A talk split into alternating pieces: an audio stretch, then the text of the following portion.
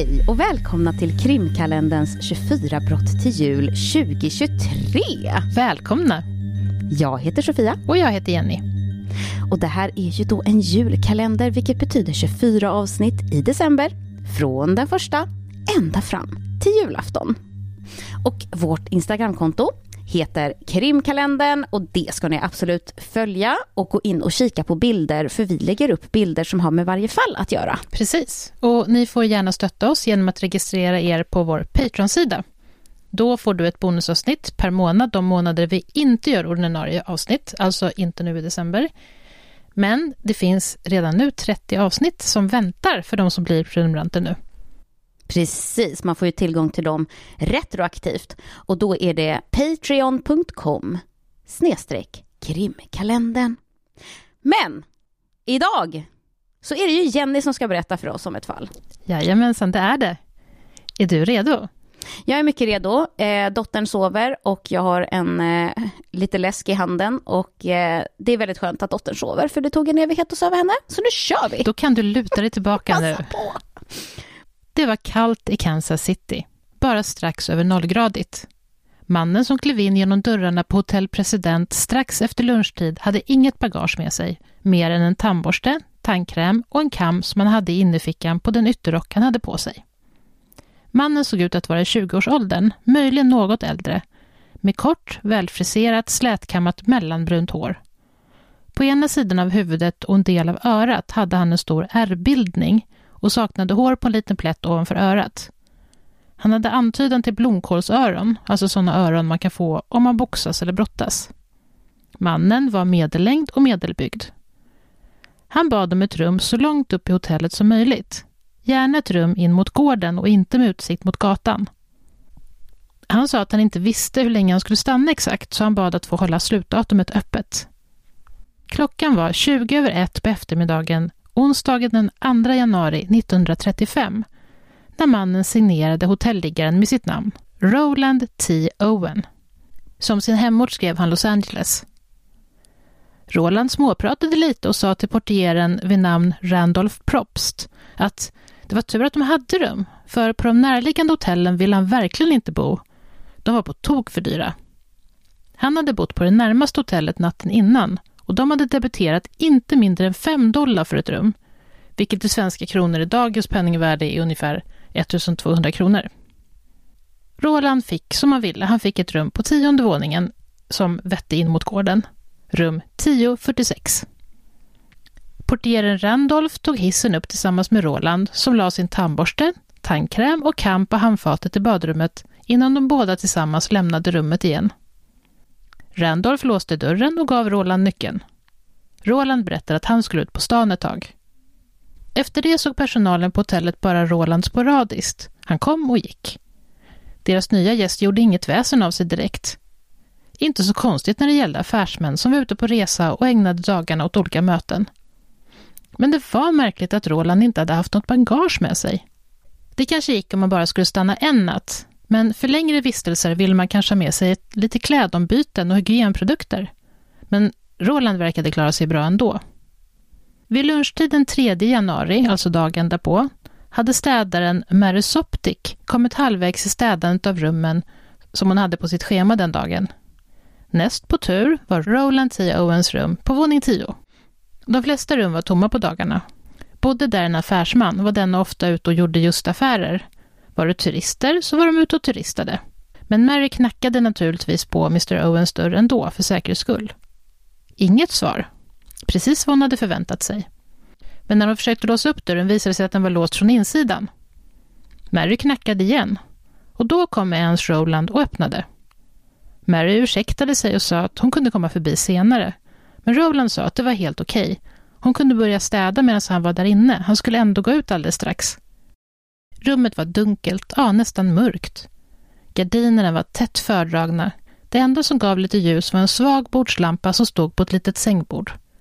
Roland berättade att han hade en vän som skulle komma och hälsa på honom på rummet snart. Och vännen kanske skulle komma under tiden Roland var ute och gjorde ärenden på stan. Han frågade om Mary därför kunde låta dörren vara olåst när hon hade städat klart, så att vännen enkelt skulle kunna komma in. Roland drog sin kam genom håret, drog på sig sin svarta överrock och gav sig iväg. Mary gjorde honom till viljes. Hon städade klart och gick sen ut för att fortsätta sitt skift. Lite senare skulle hon gå runt till alla rum hon städat och fylla på med rena handdukar. Hon lämnade rummet olåst. Fyra timmar senare var Mary klar med grundstädningen av alla rum och knackade på Rolands dörr för att ge honom ett par av handdukarna som låg travade på vagnen som hon drog bakom sig genom hotellkorridoren. Inget svar. Dörren var fortfarande upplåst. Mary öppnade. Roland var där inne, utan vän. Han låg fullt påklädd på sängen, till synes sovande. Det var någonting med situationen som kändes märklig. Varför var dörren fortfarande upplåst? Roland hade ju varit så noggrann med att ha den låst från insidan förra gången hon var där. Det låg en handskriven lapp på sängbordet. Där stod det Don, jag är tillbaka om 15 minuter. Vänta här. Mary smög in i badrummet med handdukarna och lämnade sedan rummet. Följande dag på förmiddagen, enligt Mary ungefär klockan 11, stod hon utanför rum 10.46 igen. Det var dags för städning. Hon knackade på. Inget svar. Den här gången var dörren låst från utsidan, vilket innebar att Roland måste vara ute på jobb eller någonting annat. Mary var glad. Hon ville helst arbeta ostört. Hon låste upp och öppnade den tunga dörren. Hon ryckte till. Rummet var inte tomt. Gardinerna var fortfarande fördragna, men hon kunde tydligt se att i en fåtölj som stod i ett av rummets hörn satt Roland. Mary ursäktade sig och sa att hon skulle kunna komma tillbaka senare, men Roland svarade att det var helt okej för honom om hon städade ändå. Men det var låst från utsidan? Ja. Jaha, så att det var någon som hade låst in honom Ja. liksom? Vad skumt, okej. Det, och det kommer bli skummare ska jag avslöja. Ja. Mary började städa. Eftersom rummen städades varje dag så var det inte så jättemycket som behövde göras. När hon dammade ljöd plötsligt en gäll signal genom rummet. Det ringde på hotellrummets telefon och Roland svarade. Någon sa någonting i andra sidan luren och Roland svarade. Nej Don, jag vill inte äta. Jag är inte hungrig. Jag åt precis frukost. Personen på andra sidan sa någonting nytt och Roland svarade igen att han inte var hungrig. Sen avslutade han samtalet. Efter att Roland lagt på blev han väldigt pratsam, vilket förvånade Mary. Hon hade uppfattat honom så lite tillknäppt. En man som höll sig för sig själv, även om han uppenbarligen inte hade någonting emot att hon städade när han var där. Nu haglade frågan över Mary. Han verkade nyfiken på henne. Eller i alla fall hennes jobb. Han frågade hur många rum hon städade varje dag och vilken typ av gäster President Hotel brukade ha. Roland avslutade samtalet med att säga att det var tur att de hade så bra priser på President Hotel. Det var skandal så höga priserna var på de andra hotellen runt om i centrala Kansas City. Mary hade nu blivit klar med städningen. Hon sa adjö och lämnade rummet. Det hade ju varit obekvämt och så märkligt att dörren varit låst från utsidan. Håller med. Ja, för det måste innebära att någon, kanske då den här Don, hade besökt honom och sen låst dörren när den personen gick. Mm. Och var är då nyckeln någonstans? På eftermiddagen gick hon sin vanliga runda för att lämna nya rena handdukar på rummen. När hon kom till rum 1046 hörde hon tydligt två röster där inifrån. Det lät som att Roland satt och pratade med en annan man. Mary knackade på och sa genom dörren att hon hade nya fräscha handdukar med sig. En mörk röst, som hon inte kände igen som Rolands, svarade att det inte behövdes några nya handdukar. De som redan fanns på rummet var fortfarande rena. Mary visste att det här inte stämde. Hon hade tagit med sig alla handdukar när hon städat rummet på förmiddagen. Det fanns inga handdukar att använda i rum 1046. Men gästen har rätt att bestämma sånt själv. Ville de inte handdukar så ville de inte. Senare samma dag fick hotellet en ny gäst. Det var en kvinna vid namn Jean Owen som trots att hon hade samma efternamn som Roland inte var släkt med honom. De hade aldrig träffats och kände inte varandra. Jean bodde en bit utanför stan och hade åkt in till Kansas City för att träffa sin pojkvän. Och för att slippa köra hela den långa vägen hem på kvällen efter dejten hade hon bestämt sig för att unna sig en natt på President Hotel, för då kunde hon köra tillbaka hem i lugn och ro morgonen därefter istället. Jean fick rum 1048, alltså rummet intill Rolands. Jeans pojkvän arbetade på en blomaffär och kom till henne när han hade avslutat jobbet för dagen. Klockan var strax efter klockan nio på kvällen. Jeans pojkvän stannade i två timmar. Senare den kvällen, fredagen den 4 januari, vaknade Jean av stök. Hon tyckte det lät som män och kvinnoröster som var upprörda. De pratade med höga röster och använde svordomar.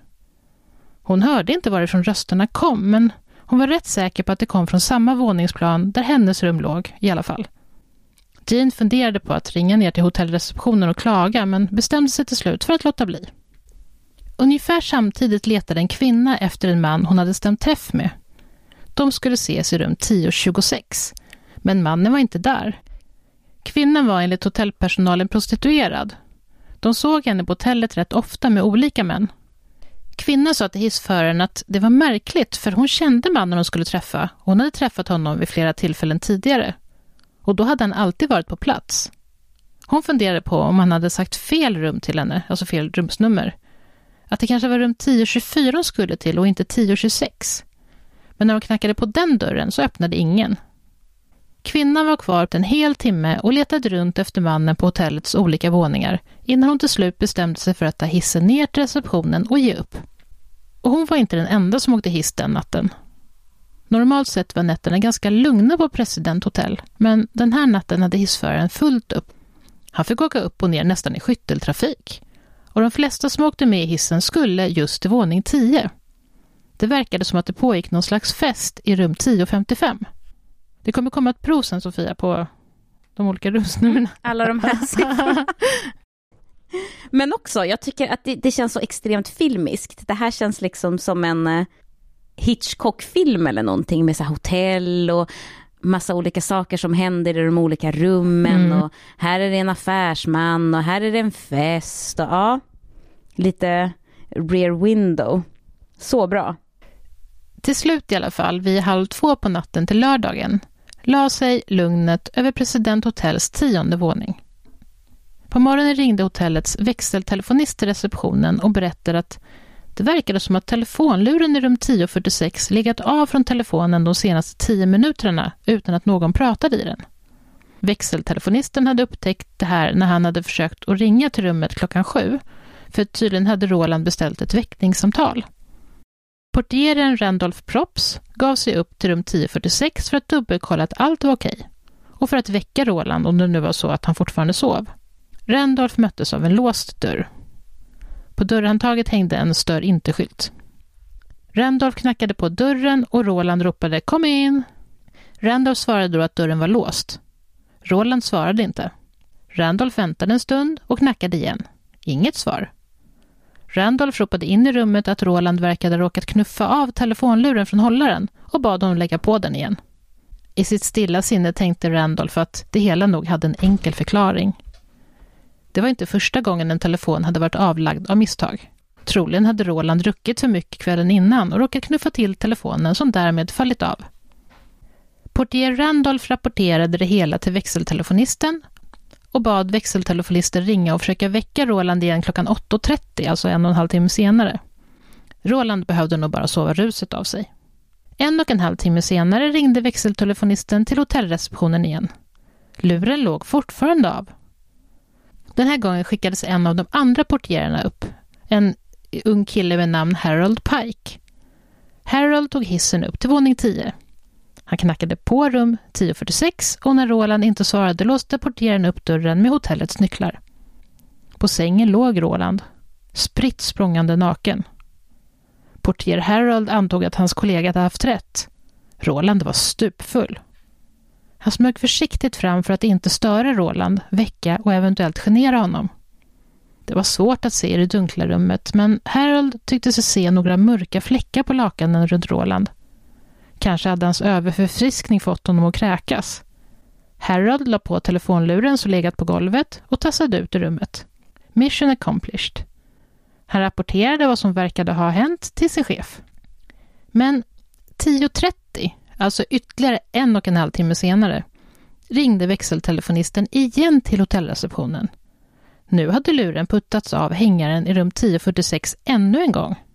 Jag tänker såklart så här, ja ah, men han är, han är inte vid liv, typ. Nej. Fast han besvarar ju. Ja. Det är, det är mycket som är konstigt i det här. I like it. ja, men det är så här, det är så här svartvitt som du säger. Hitchcock svartvitt. Ja, med, med Grace Kelly och som är med i typ alla Hitchcock-filmer. Precis ja. så. Det känns så bekant det här fallet på något vis. Alltså dels när du sa hans namn i början. Men så känner jag ganska ofta när du läser upp fall för mig, att man är så här, alltså, för det vet ju du när du säger, ah, känner du igen det här? Och jag bara, ah, kanske det ringer en liten klocka, men nej, jag tror inte det. Nej. Jag har ingen aning om vad som ska hända.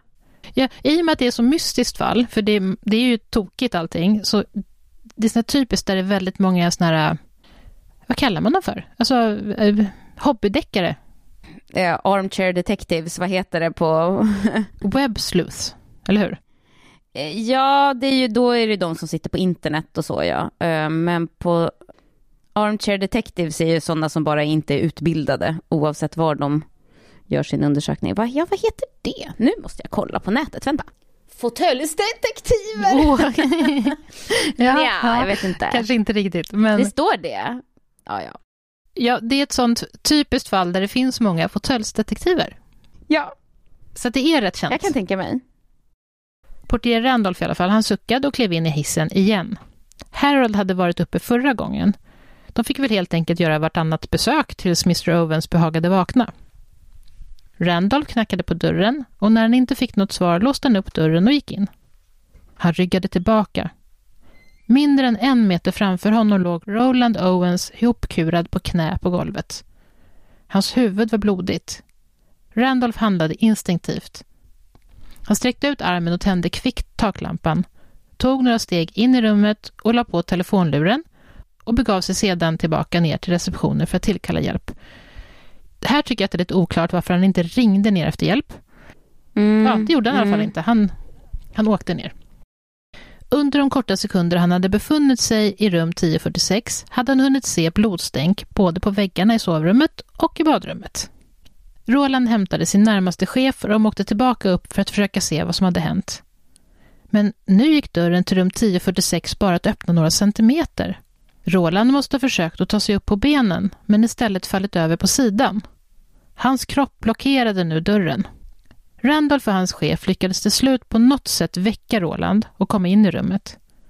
Roland tog sig med portieren och hans chefs hjälp upp på benen och in i badrummet. De hjälpte honom att sätta sig på badkarskanten. Polis och läkare tillkallades. Portieren Randolph tittade sig omkring. Det var verkligen blod precis överallt. Det var till och med blodstänk i taket. Ja, Roland var illa tilltygad. Han var bunden med en sladd runt nacken, handlederna och anklarna. Han var blodig överallt på kroppen. I synnerhet blödde han från bröstkorgen. Han var blodig på huvudet också. När läkaren kom till platsen kunde denne snabbt konstatera att det här inte var skador han kunde fixa på plats med lite plåster och gasbinda. Roland behövde transport till sjukhuset. Vem gjorde det här mot dig? frågade läkaren Roland. Ingen, svarade Roland. Jag ramlade och slog huvudet i badkarskanten. Läkaren frågade då om Roland försökt ta sitt eget liv. Roland svarade nej. Några ögonblick senare föll han ner i medvetslöshet. Roland transporterades i ilfart till sjukhuset. Där konstaterades det att han hade blivit knivhuggen ovanför hjärtat och fått sin ena lunga punkterad. Roland hade blivit slagen i högra sidan av huvudet så illa att han hade fått en skallfraktur. Han hade så många olika skador med sticksår som hade åsamkats honom med flera timmar emellan. Det hela liknade utdragen tortyr. Han hade märken runt halsen efter att någon eller några försökt strypa honom. Så Roland Owens hade alltså varken halkat och slagit i huvudet eller försökt ta sitt eget liv. Någon eller några andra hade gjort det här mot honom. Läkarna arbetade för att stoppa blödningarna och rädda Rolands hjärta och skadade lunga. Men det var lönlöst. Strax efter midnatt den natten, den 6 januari, avled Roland T. Owens. En polisutredning startades Läkaren som obducerade Rolands kropp sa att skadorna han hade fått på kroppen var olika gamla, precis som jag sa tidigare. Förloppet hade varit utdraget, hade hållit på i flera timmar. När poliserna fick höra om telefonluren som legat av flera gånger drog de slutsatsen att det nog berodde på att Roland hade försökt ringa efter hjälp vid flera tillfällen men tappat luren varje gång. -hmm. Ja, det låter ju relativt logiskt faktiskt. När rum 1046 undersöktes blev det hela om möjligt ännu mer märkligt. Där fanns nästan inga ledtrådar att gå efter. De enda spår som hittades var fyra fingeravtryck på telefonen. Avtrycken var inte Rolands och inte någon av de anställdas. Det fanns ingenting i rummet. Vilket, förlåt, vilket år är det här? 1935. 1935. Mm. Så det är ett tag sedan. Mm. Men fingeravtryck är ändå en grej. Ja, tydligen. Jag tyckte också att det var lite tidigt, men... eh, Jo, men det, det, alltså det håller ju Sherlock Holmes på med. Och de böckerna är ju skrivna innan det här. Det har du rätt i. Det fanns ingenting i rummet. Roland hade ju inte haft någon packning med sig, men nu fanns inte heller kläderna han hade haft på kroppen kvar. Tandborsten, tandkrämen och kammen var borta. De tvålar och schampon som hotellet tillhandahöll var också borta. Och de hittade inget vapen eller någonting som liksom kunde använts. Och när polisen grävde djupare visade det sig att Roland T. Owens inte heller funnits där. Han existerade inte, det var ett påhittat namn. Det fanns ingen man med Rolands namn och födelsedata i hela USA. Polisen kände att de hade liksom inte någonstans att gräva vidare. Det var svårt att leta efter misstänkta gärningspersoner om man inte visste vem offret var. Så de gick ut i media med en beskrivning av Roland. Och snart därefter fick faktiskt polisen i alla fall en liten ny pusselbit. Den ansvariga för hotellet som Roland bott på natten innan han flyttade till President Hotel, eh, det hotell han hade tyckt varit för dyrt, den eh, chefen hörde av sig. För beskrivningen av Roland stämde med en man som hade bott hos dem, men han hade inte skrivit in sig som Roland Owens. I deras böcker hade han skrivit in sig under namnet Eugene K. Scott, även han hemmavarande i Los Angeles enligt hotelliggaren. Hurra, tänkte utredarna. Nu hade de offrets riktiga namn. Men tyvärr visade sig Eugene K. Scott vara ett lika falskt namn som Roland T. Owens. Utredningen fortsatte, men det kändes helt lönlöst. Var skulle utredarna leta liksom? Det hörde av sig personer då och då. Personer som hade en familjemedlem som försvunnit och trodde att det kanske kunde vara Roland. Men det visade sig vara fel varje gång. Och det var alltså nu de fick eh, kontakt med den här kvinnan, Jane Owens. Det var, det var nu hon hörde av sig Ja. och berättade att det var stökigt den där kvällen. Och även den andra kvinnan som då hade letat efter en eventuell kund, om det nu var det hon gjorde, eh, hörde också av sig. Så det är liksom eh, den information som du har berättat hittills har ju kommit eh, av utredningen helt enkelt. Precis. Mm, jag fattar. En av personerna som sa sig känna igen den döde var en boxningsagent vid namn Tony Bernardi. Han åkte till Kansas City från Little Rock i Arkansas för att identifiera den döda mannen, som Tony sa hette Cecil Werner. Cecil hade kontaktat Tony i december 1934, alltså månaden innan sin död, om det nu var han som var Roland, och frågat om Tony kunde boka upp honom så att han skulle kunna gå några boxningsmatcher och tjäna lite pengar. Men den här agenten Tony hade tackat nej till att promota honom. Jag vet inte varför. Men tipsat honom om en annan agent som kunde tänkas vara intresserad. Och när polisen hörde av sig till den här andra agenten så tog det stopp. För Cecil hade aldrig kontaktat honom. Så nu stod polisen i en återvändsgränd med tipset om Cecil. Det kan ha varit han, eller inte. Det skulle de troligen inte få veta. En annan man hörde av sig. Han bodde i Kansas City och hade på eftermiddagen dagen innan Roland dog varit ute och, jag kommer alltså fortsätta kalla honom för Ro- Roland. I brist på annat namn. Vi vet ju inte vem han är nu. Just det, ja nej men det är väl lika bra. Det är så vi känner honom. Precis. En annan man hade varit ute och kört sin bil dagen innan Roland hade dött och då hade han sett en man vara ute och gå iklädd bara byxor och en tunn undertröja. Och det var en märklig syn med tanke på att det här var i början av januari och kallt. Den tunt klädda mannen hade misstagit den här mannen som kom körande bilen för att vara en taxichaufför. Men när han insåg sitt misstag frågade han om han ändå kunde få skjuts till närmaste taxitolpe för han var så himla kall. Mannen i bilen såg att den andra mannen hade ett långt skärsår på ena armen och bestämde sig för att ja, jo men han kunde absolut hjälpa honom till en taxi. För han behövde troligen åka till sjukhus. Den tunt klädde mannen var uppenbarligen upprörd och sa att han skulle ge igen på den som hade gjort så här mot honom. Och sen blev han avsläppt vid en ledig taxibil. Mannen som hade gett mannen med skärsåret skjuts fick komma till bårhuset och identifierade Roland T. Owen. Det stämde. Mannen såg ut som han mindes honom och skärsåret var detsamma. Nu visste alltså utredarna ytterligare en liten del av händelseförloppet under dagarna innan Rolands död. Men de hade ändå inte kommit ett enda steg längre i utredningen. Det hade egentligen bara blivit mer förvirrande. Och Det finns också uppgifter om att Roland någon av dagarna ska ha setts på en bar tillsammans med två kvinnor. Det verkar dock inte vara en bekräftad uppgift. Ett par månader gick utan några som helst framsteg. Till slut kände utredarna att fallet hade blivit kallt. De kom inte längre. De bestämde sig för att mannen i rum 1046 skulle begravas. För han hade då legat i ett kylrum fram tills dess. Mm, mm, mm, jag fattar. Men ja, sen kände de att ja, vi kom inte längre. Det var inte värdigt för en död att få vänta så länge på att få komma ner i jorden och utredarna kunde verkligen inte göra mer. En liten begravning planerades. Kroppen skickades till en begravningsentreprenör för att förberedas och begravningsbyrån gick ut med en annons om att begravningen skulle ske utan ceremoni på Fattigkyrkogården den 4 mars 1935. Dagen innan begravningen ringde en man till begravningsbyrån. Han presenterade sig inte. Han frågade om begravningsbyrån kunde tänka sig att skjuta upp begravningen av Roland lite. Om han skickade pengar så att det skulle kunna hållas en riktig begravningsceremoni och så att den döde skulle kunna bli graven på Memorial Park-kyrkogården istället för på Fattigkyrkogården. Så det är alltså en okänd man som ringer och, er, och erbjuder sig att betala för en, ja. en begravning och en, att han ska få ligga någon annanstans.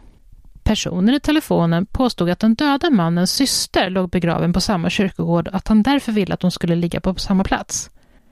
Begravningsentreprenören blev nyfiken såklart och frågade mannen i telefonen vem den döda var. Vad hette han? Men begravningsentreprenören fick inget svar. Då frågade begravningsentreprenören varför mannen blivit mördad. Det kunde mannen i telefonen däremot svara på. Mm. Mm. Anledningen, sa han, var att den döde, Roland, haft en affär med en kvinna samtidigt som han hade varit förlovad med en annan. De två kvinnorna hade kommit på honom och tillsammans med mannen i telefonen, som de alltså kände på något sätt, eller kanske bara anlitade, tillsammans med honom så hade de mördat mannen, Roland, på hans hotellrum. Det var hämnd. Mm. Och när då den uppringande mannen hade sagt det till begravningsentreprenören så lade han på luren. Polisen lyckades spåra var samtalet kom ifrån, men det var tyvärr från en telefonautomat. Om det stämde så hade alltså en man och två kvinnor mördat Roland på grund av en otrohetsaffär eller något slags dubbelliv där han hade lurat två kvinnor. Men sen hade en man som hade mördat Roland då kanske ångrat sig eller fått dåligt samvete och därför ringt upp Mm. och bett att få skicka blommor eh, och det här med att begravas på en specifik kyrkogård. Det lät märkligt tyckte begravningsentreprenören och även polisen. Men samtidigt har märkligare saker hänt. Och när begravningsentreprenören hade pratat med polisen så bestämde polisen att jo, men vi, vi gör om det viljes. Vi skjuter upp begravningen. Det skulle dessutom kunna ge fler ledtrådar. För kanske skulle personen som ringt begravningsentreprenören till och med dyka upp i samband med begravningen. Mm. Knappt tre veckor senare, den 23 mars, kom ett kuvert på posten till begravningsbyrån. Kuvertet innehöll 25 dollar, vilket är lite mindre än 10 000 svenska kronor i dagens penningvärde. Oj, 25 blev 10. Ja, just 10 000. det. Mm. Och, Mycket. Han tyckte att 5 dollar var dyrt för ett hotellrum i början. Det var därför han hade bytt till hotellpresident och de kanske tog 4 dollar, vad vet jag. Just det. ja, det är en viss skillnad. Det det är en viss skillnad. De här 25 dollarna räckte alltså till, till en begravningsceremoni. Och utöver det här så skickades två kuvert med 5 dollar vardera i till en floristbutik med instruktioner att pengarna skulle gå till att betala blommor till begravningsceremonin och till att smycka graven. Mer specifikt skulle en av buketterna innehålla 12 stycken American Beauty-rosor. Det vet inte riktigt vad det är, men det är en väldigt vacker ros. Jag tänker direkt på filmen. Ja, det gör jag också. Kevin Spacey. För där är det ju rosblad också på, på framsidan. Precis, och hade jag tänkt på det så kan det ju vara så att den här American Beauty-sorten symboliserar någonting. Jag vet inte, men eh, det var i alla fall specificerat exakt vilka blommor det skulle vara. Eh, som de här fem dollarna skulle räcka till. Och i ett av kuverten låg förutom pengarna ett handskrivet kort. Och på kortet stod det Love forever, Louise. Alltså kärlek för alltid från Louise. Mm. Och utredarna försökte ta reda på varifrån budet hade kommit, vart det hade beställts och vem som hade lämnat av det vid begravningsbyrån. men de kom ingen vart. Begravningen hölls. Polisen bevakade den, men ingen sörjande dök upp. Tiden gick. Då och då var det någon som hörde av sig om en saknad familjemedlem, men det blev aldrig en matchning med Roland. Tills ett år senare, 1936. En kvinna vid namn Ruby Ogletree, boende i Birmingham i Alabama, hörde av sig. Birmingham ligger drygt 100 mil från Kansas City. Kansas City ligger liksom inne i USA, inte mitt inne. Det ligger på östra delen. Men det ligger inne i landet. För att ta sig till Alabama så kör man sydöst ut mot östkusten. 100 mil. Ruby Ogletree hade en väninna som hade sett ett foto som på pricken liknade Rubys son Artemus, eller Artemus, i tidningen. Och I tidningen stod det att man inte visste vem mannen var och att man skulle kontakta polisen om man kände igen honom. Så därför hörde Ruby av sig nu, förklarade hon. Hon höll med sin väninna. Mannen såg precis ut som hennes son.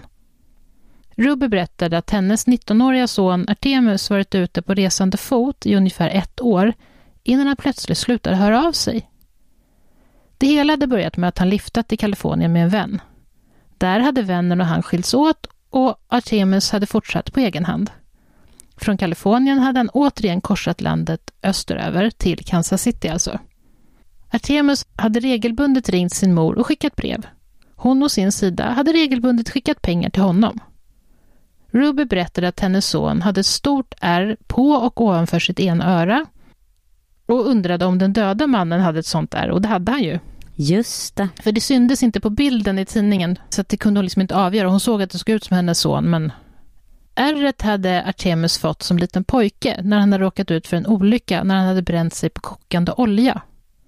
Det verkade onekligen som att den döda mannen i rum 1046 på President Hotel var Artemus Ogletree. Men det var en sak som var väldigt märkligt. Artemus hade inte slutat höra av sig. Vykort och brev hade fortsatt att imponera hos Ruby även efter den 6 januari 1935. Alltså efter då att Roland, eller då kanske Artemus, hade dött. Vad obehagligt, om det är han. Och Ruby hade tyckt att det här var lite konstigt, för att Artemus hade plötsligt i början av januari slutat skriva för hand. Helt plötsligt var breven han skickade skrivna på maskin. Det första som hade kommit i slutet på januari var poststämplat i Chicago. Och vad hon visste så kunde hennes son inte skriva på maskin. Och språket, det lät inte riktigt som Artemus heller. Nästa brev var poststämplat i New York i maj 1935. I brevet hade hennes son skrivit att han skulle ta båten över till Europa. Tre månader senare, i augusti 1935, hade Ruby fått ett telefonsamtal. Det var en man som presenterade sig med ett förnamn och inget efternamn. Jag vet inte vilket. Eh, han ringde för att berätta om hur tacksam han var för att hennes son Artemus hade räddat hans liv för ett tag sedan. För den här mannen hade tydligen hamnat i slagsmål. Han hade enligt egen utsago blivit påhoppad av skurkar. Artemus hade hoppat emellan och räddat livhanken på mannen. Artemus hade gärna själv velat ringa och berätta det här för Ruby, kanske för att göra henne stolt, men det gick inte, sa mannen, eftersom Artemus numera bodde i Kairo i Egypten. Det var där han hade hoppat in och räddat mannen i slagsmålet och nu var den här mannen tillbaka i USA. Aha. Att Artemus befann sig i Egypten berodde tydligen på att han hade gift sig med en rik kvinna som då kom från Egypten. Och skriva brev, det kunde han inte göra längre för att han hade nämligen förlorat sin ena tumme i slagsmålet när han hade räddat livet på mannen som ringde Ruby. Ruby tyckte mannen som ringde verkade lite speciell. Han hoppade hit och dit i sin berättelse och verkade lite uppjagad.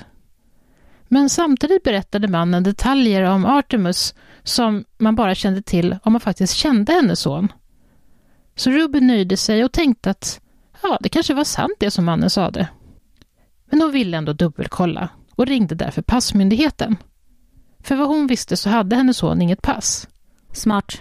Mycket smart. Alltså det här är en företagsam kvinna. För jag vet inte vad hon fick för svar, men kanske var det då negativt för att efter det ringde hon polisen och sen skickade hon ett brev till självaste presidenten. Hon skrev att hon trodde att någonting hade hänt hennes son och bad presidenten utreda saken. Men ja, det här ledde inte till någonting.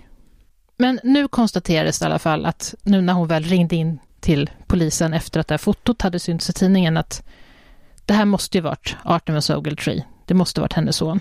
Så nu visste man alltså vem mannen i rum 1046 var. Intressant. Men, men det förklarar ju inte vem eller vilka som hade mördat honom och vad som hade hänt. Nej, men det blir också, alltså hela den här grejen, det är ju någon som verkligen har ansträngt sig för att göra liksom en täckmantel. Precis. Ja, det förklarar ju inte saken, men, men det, det ger ju detaljer till fallet som liksom, ja det växer ju bara känns det Ja, det känns ju inte längre som att det är en slumpmässig misshandel av någon som man knappt kände, utan det här låter som någonting helt annat. Ja, och någon som känner honom dessutom då? Ja. Men tiden fortsatte att gå. Två år efter mordet så häktade New York-polisen Joseph Martin för mordet på sin rumskompis. Det här var alltså helt orelaterat från fallet med mannen i rum 1046. Men efter att ha mördat sin kompis så hade Joseph Martin tryckt ner vännens kropp i en koffert och försökt skicka den med båt till Memphis. Men, ja. Ja, Joseph som inte bara var en mördare utan även en bedragare och pengasvindlare hade gått under flera olika alias under åren. Ett av de namnen var Donald Kelso. Och då började polisen tänka så här, den här Donald Kelso, kunde det vara den här Don som verkar ha varit på besök i rum 1046? Ah, jag kopplade inte ens det, ja, nej. Kanske lite långsökt. Back then, när polis hade tid. Precis, precis så. Kanske hör det till att den här mannen som han hade, sin kompis, sin rumskompis som han mördade, hade han styckat och på något sätt också liksom, han hade skurit av ett öra och, och lite tortyraktigt. Att de kanske kopplade det också, jag vet inte. Men kunde det här alltså vara en Don som verkade ha varit på besök i rum 1046? Mannen som Artemus pratat med i telefon och sagt att han inte ville gå ut och äta lunch med eftersom han precis hade ätit frukost. Det här var dock naturligtvis en alldeles för lös koppling för att åtala Donald för mordet på Artemus. Så fallet började återigen kallna, men plockades upp med några års mellanrum och gicks igenom på nytt. Men genomgången av fallet började göras mer och mer sällan och till slut hamnade fallet i en dammig kartong i polisens källare. Artemus mamma Ruby, hon började misstänka att det var Artemus resekompis, han som hade rest med i början av resan, som de hade skilts åt i Kalifornien. Men vet hon vem den kompisen är, eller vet hon bara att det är en kompis? Nej, det, det visar sig att hon inte vet. Hon hade hans namn, så hon lyckades hitta honom och försökte liksom boka upp att de skulle träffas och de skulle prata. Och han kom hela tiden med undanflykter, men till slut så fick hon i alla fall bokat ett telefonsamtal med honom. Och när hon hade pratat med honom så kände hon att ja, det här lät precis som den man som hade ringt och pratat med henne och sagt att hennes son hade räddat honom från ett slagsmål i Egypten. Um, okay. Så det verkar ju som att hon kan ju inte ha känt kompisen innan eftersom hon, då hade hon ju vetat, känt igen rösten redan från början. Nej, det låter logiskt. Så att, men hon trodde hela sitt liv att, att det var han som var skyldig. Eller i alla fall att han var inblandad, att det var han som hade ringt det här samtalet. Och då kanske du förstår att det här är dessvärre ett olöst fall. Ja, mm, jag förstår det. Sorry. Jag har ingenting emot det, det är du som har Ja. någonting emot det. Jag, uppenbarligen har jag inte det, för jag väljer sådana här fall gång på gång. Men jag tycker att det här är, Ja. fasciner- det här är fascinerande, för att teorin om varför Artemus mördades har varit många under årens lopp. Teorin om någon slags hämndaktion efter att Artemus haft två flickvänner på gång samtidigt, det är en utav dem. En annan är att han ska ha varit inblandad i någon slags maffiaverksamhet. Kansas City var 1935 väldigt liksom korrupt. Eh, maffia styrde och polischefen åkte några år senare in i fängelse på livstid för korruption. Mm. Så, att, så att det, var, det var den typen av stad, så det är en av teorierna. Och en sak som, som de som tror på den teorin, som, som talar för det, är att Artemus ju be- benämnde sin besökare som Don. Och Don är en benämning som användes i maffiavärlden på den tiden. Alltså Don Pedro, eller ja. Att det var därför han sa Don. Att det inte var Donald. Don Corleone. Precis. Så det var inte en förkortning av Donald då i den här teorin. Men det var det. Fallet med den döda mannen i rum 1046. Ja, alltså jag, jag förstår ju ändå de som inte tycker om olusta fall, för det är klart att det är frustrerande, man vill ju veta. Men det är också någonting kittlande. Liksom. Ja, och det är ju så märkligt allting, alla steg. När han ligger i sängen Ja. utan kläder och han, det, är låst ut, det är låst från utsidan när han är inne i rummet och ja, och det var ju liksom dagen innan. ja, han dyker upp på stan i väldigt lite kläder. Nej, för jag känner också att eh, han var ju inte död, Nej, utan var bara alltså, väldigt illa tilltyglad liksom.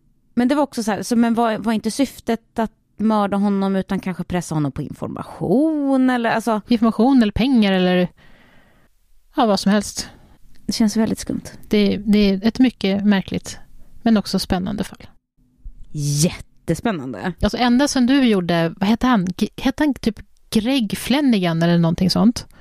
Eh, han som blev skjuten genom en vägg. Han, blev skjuten, han var också, det var ju också ett hotellrumsfall. Han vart skjuten av misstag genom en vägg. Det har inte jag gjort. Har du inte? Har jag gjort det?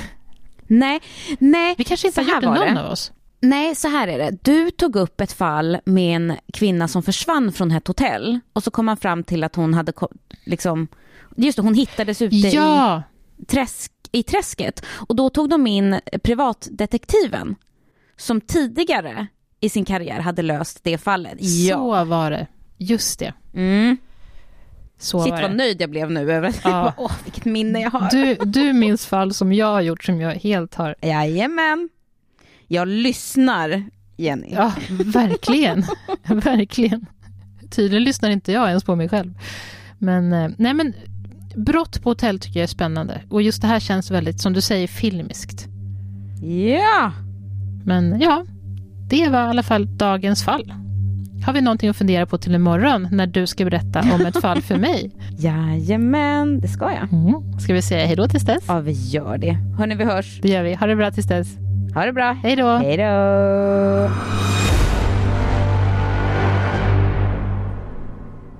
Och att Artemus befanns... Att Artemus befanns... Åh?